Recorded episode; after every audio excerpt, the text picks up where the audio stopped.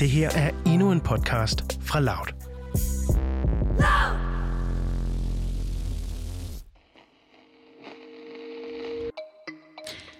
Vi er på et hospital i den sydspanske by Malaga. På den hvide hospitalsgang står en mand. Personalet giver ham en lille, hvid, lukket kasse af træ i hænderne. Den er lidt større end en skotøjsæske, og han mærker vægten, som fortæller ham, at kassen ikke er tom. I kassen ligger hans nyfødte, afdøde barn.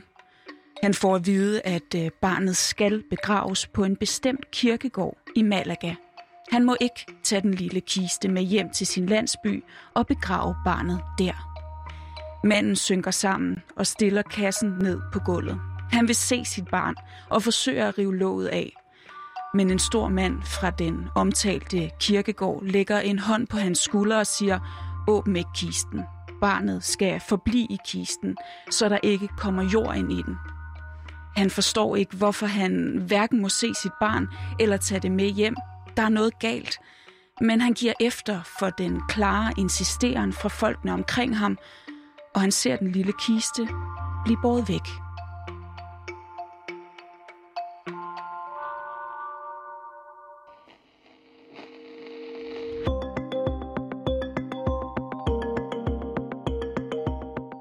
Udsyn i dag skal vi tale om Los Niños Robados, Spaniens stjålne børn.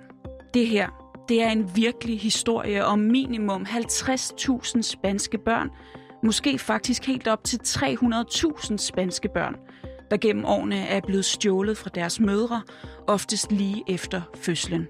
Stjålet af læger, nonner og præster, og solgt til velhavende familier, både inden og uden for Spaniens grænser.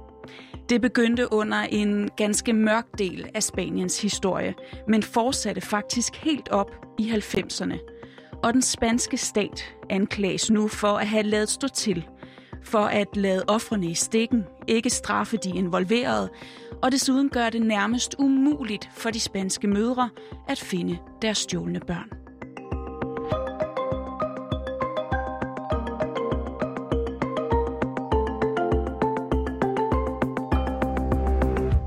Lytter til Udsyn. Din vært, Christine Randa. I, I Spanien der er det sådan, at der fejrer man bare alt, der ligesom skete under diktaturet ind under tæppet, og så rusker man ikke op i det igen. Og, og det, det besluttede man jo så også i sin tid, at, at det skulle være sådan, for at få demokrati. Øhm, man, man, det, man siger altid sådan i spansk tale, at man, man gør ikke noget ved noget, at nogen har gjort under diktaturet. Altså der er ikke nogen, øh, der kommer efter dem. Det her er Nana Lundemand. Hun er journalist og bor i Spaniens hovedstad Madrid sammen med sin familie. Og når Nana her refererer til diktaturet, så refererer hun faktisk til moderne spansk historie. For fra 1939 til 1975, der var Spanien styret af en diktator ved navn Franco. En fascistisk diktator, som blandt andet var venner med Hitler. Allerede der ved man, at han nok ikke var den fedeste fyr. Og der skete der også mange sindssyge ting under Frankos styre. Ting, som pænt er blevet faret ind under guldtæppet. Blandt andet de her mange tusind sager om stjålne børn, eller babyer er det jo faktisk. Og Nana Lundemand, hun har talt med søsteren til en af de her stjålne spanske babyer, og hende skal du møde nu. Esto pasó en el año 1974. Det skete i 1974. Min mor skulle føde sit tredje barn, en dreng, og hun blev bragt til hospitalet, og der gik noget tid, og hun havde stadigvæk ikke født. Ingen kunne få lov at se hende, for ifølge personalet på hospitalet, så var det en kompliceret fødsel. Og der er ikke nogen, der kan huske præcis, om det var 3, 4, 5 dage, der gik. Men så fortalte de min far, at barnet var dødt. Le dicen a mi padre que el niño muerto.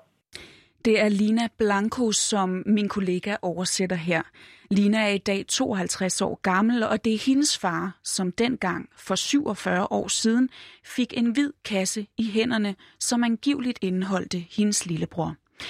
Nana, fortæl os lige lidt om Lina Blanco, inden vi fortsætter hendes historie. Hvem er hun?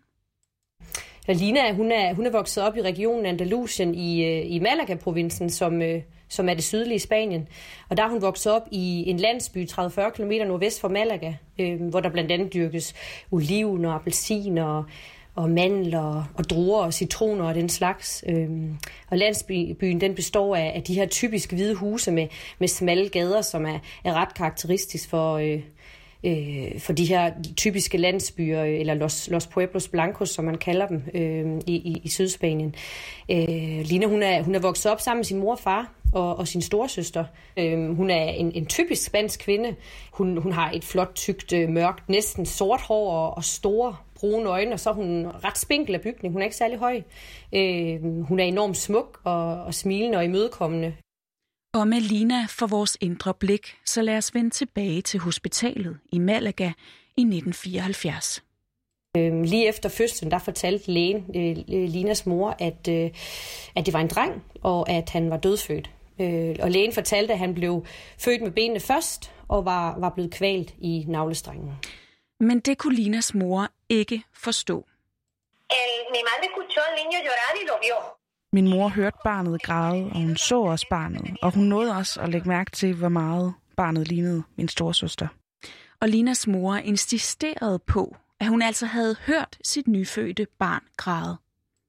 Men, men på hospital, der, der beder de hende om at holde mund, for, for ellers så tager de hende øh, med, altså i, i bogstaveligste forstand, og hun kommer ikke til at se sine andre to børn.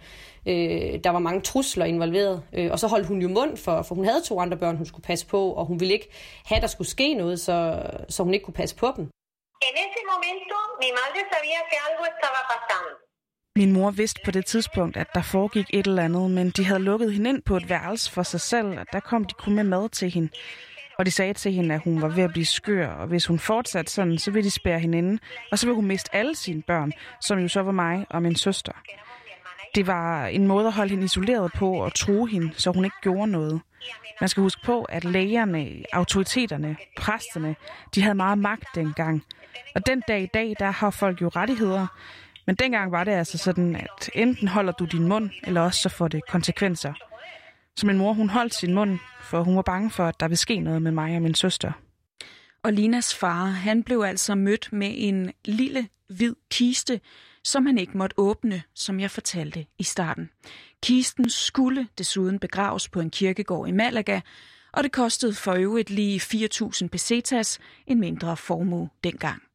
Øh, og der fortalte Lina mig, at de havde et, et, et familiemedlem, som, øh, som havde arbejdet i Tyskland, øh, og også havde sparet nogle penge op. Øh, og det var så de penge, der betalte omkostningerne til begravelsen. Øh, det var jo omkostninger, de var blevet påduttet af, af autoriteterne. Donde mi padre vio cómo enterraban al niño y cómo recordaba la cruz blanca que le pusieron con un número. Min far han husker tydeligt, hvordan de satte et hvidt kors op bagefter med et nummer på. Og dem var der mange af der. Alle bare med et nummer på. Min far kan stadig huske det her nummer, som de satte på korset. Og i mange år kom familien ved det her gravsted. Lina, hun var øh, kun fem år dengang, men, men hun kan godt huske, at de, at de blev ved med at komme på gravstedet i Malaga for, for at lægge blomster. Øh, lige til den dag, at der ikke var nogen kirkegård længere, og var blevet bygget en, en bygning ovenpå. Ja, ovenpå det, der skulle være en masse gravsteder med døde, nyfødte børn, der smækkede man lige en bygning op. På den måde vidste vi ligesom også godt, at der nok aldrig havde været nogen børn der. Men det er først i 2011, at det for alvor går op for Lina og hendes familie, hvad det er, de er blevet ofre for. En døende spansk kvinde bad nemlig dengang sin familie om at øh, blive begravet ved siden af sit barn, som døde ved fødslen. Og det de fandt på det gravsted, hvor babyen i sin tid var blevet lagt, var en flaske med jord i, hvis vægt svarede til barnets vægt. Og derefter så begynder folk at komme frem med deres historier, og der begynder ligesom at blive lavet tv-programmer, hvor man starter med at dykke ned i det her. Øhm, og en dag der lyttede øh, Linas søster til, til tv'et, uden, uden overhovedet at kigge på skærmen. Øh, og den historie, der blev fortalt, jamen det er den her mand, der står og fortæller nøjagtig samme historie, som deres far altid har fortalt. Og så kigger hun op på tv'et og bliver overrasket over, at det ikke er hendes far, der fortæller den historie, fordi den er ordret den historie, som, øh, som faren også har fortalt. y en eso que mi hermana me llama y me dice, eh, mira, que estuve escuchando la tele Og så ringer min søster til mig og siger, jeg står og lytter til en mand, der taler i fjernsynet. Hans historie er præcis som far fortæller den. At de giver manden en kasse, at de lukker kvinden inde på hospitalet, at babyen var død. Han fortæller historien nøjagtigt som far. Og her går det altså op for Lina og hendes familie, at broren måske er i live og simpelthen er blevet stjålet, solgt til en anden familie. Det var jo præster og nonner, og de gjorde det her i samarbejde med, med læger og sygeplejersker, og så, så blev børnene jo solgt til, til mere øh, vel, velhavende familier øh, med, med, for, med, med for guds skyld samme overbevisning som regimen. Det er jo sådan, det er blevet øh, fremlagt. Ja, og til at begynde med under Frankos styre, der stjal man da også især børn fra folk, der ikke støttede Franco, eller som havde en anden politisk overbevisning. Øh, og de blev simpelthen straffet, altså nogen uden at vide det, øh, for, for de blev jo fortalt, at, at børnene var dødfødte. Men det lader dog ikke lige til at være tilfældet med Linas lillebror. Una familia trabajadora, humilde, min familie var en ydmyg arbejderklassefamilie, og hvis min bror virkelig har lignet min søster, som min mor beskriver det, så har han været super smuk, og der er jo ingen, der køber et grimt barn. Det var vel, hvad de var på udkig efter. Gode, sunde og pæne børn Øh, altså, den eneste forklaring, hun kan give mig, det er, at, at, at der måske lige har været efterspørgsel på børn på det tidspunkt, og, og der lige har været en kunde, og, og, og hvis der lige kom et sundt og, og rest barn, og ikke mindst smukt barn fra hendes mor, jamen, så tog de det, øh, for det skulle jo vise sig at være en, en, en lukrativ forretning.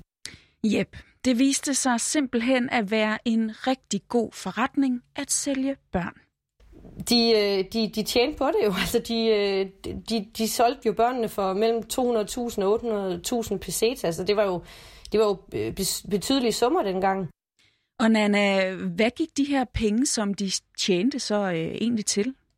Selvfølgelig betalte de jo de folk, der var involveret. Altså, øh, og det var jo jordmøder, læger, sygeplejersker og nonner og præster, og så også indflydelsesrige personer, som jo også var, var forbundet med den katolske kirke. Øh, og så bedemændene, som jo kom med de her tomme kister. Øh, og de blev betalt godt. Øh, og så resten af pengene, jamen, øh, de gik til kirken og til militærregimet.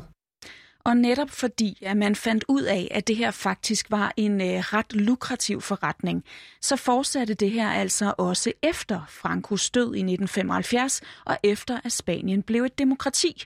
Og ja, faktisk helt op i 90'erne stod det her stadig på. Og øh, det var ikke rigtig noget, der blev gjort det store ved, heller ikke fra statens side af.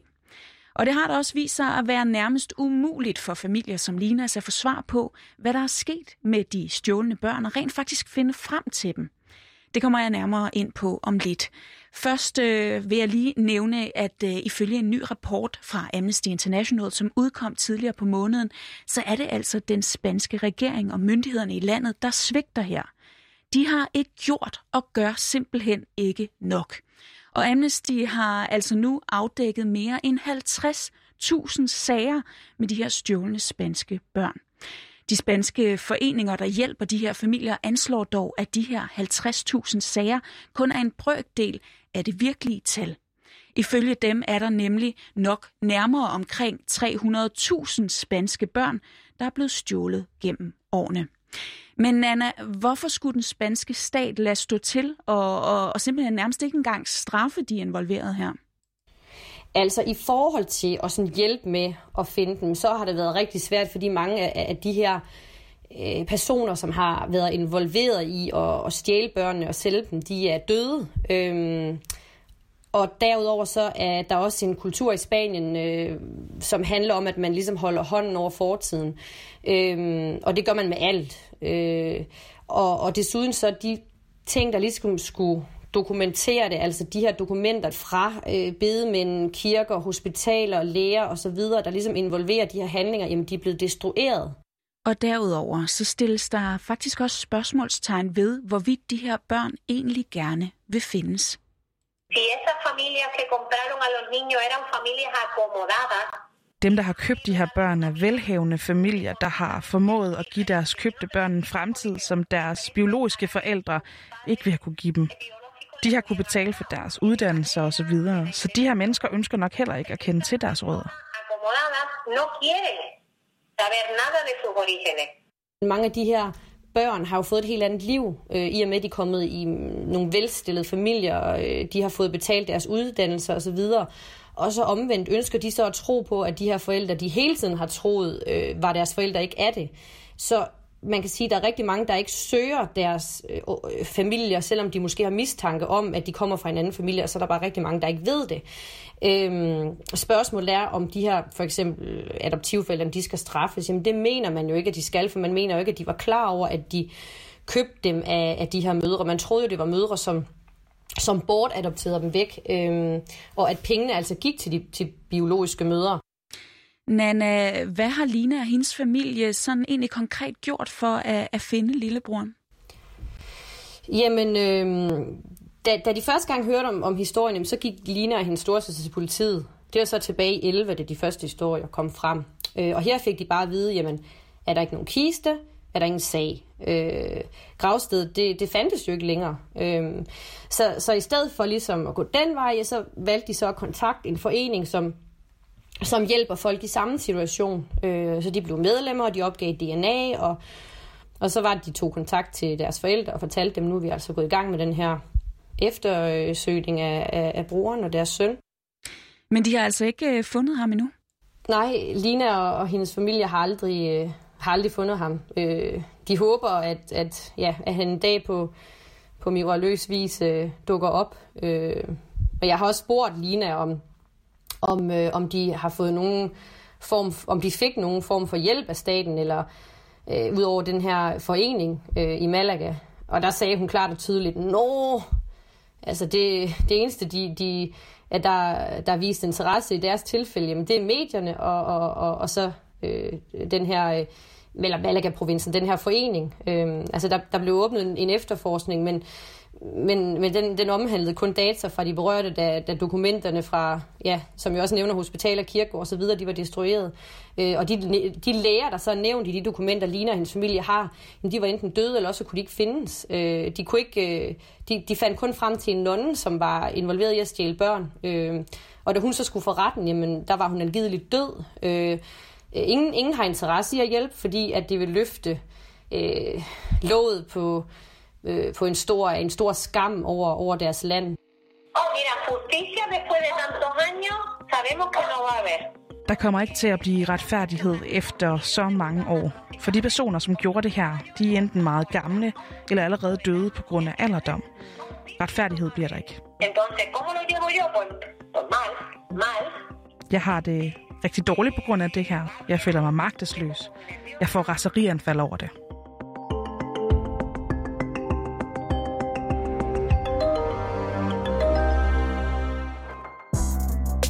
Det her var en aktuel podcast fra Loud. Hvis du godt kan lide at følge med i samfundsdebatten, men ikke kan holde ud og se debatten på DR2, så prøv i stedet vores debatprogram, Touché. Her tager Cecilie Lange og Kevin Sakir aktuelle emner op på en nysgerrig og undersøgende façon. Søg på Touché, der hvor du finder din podcast.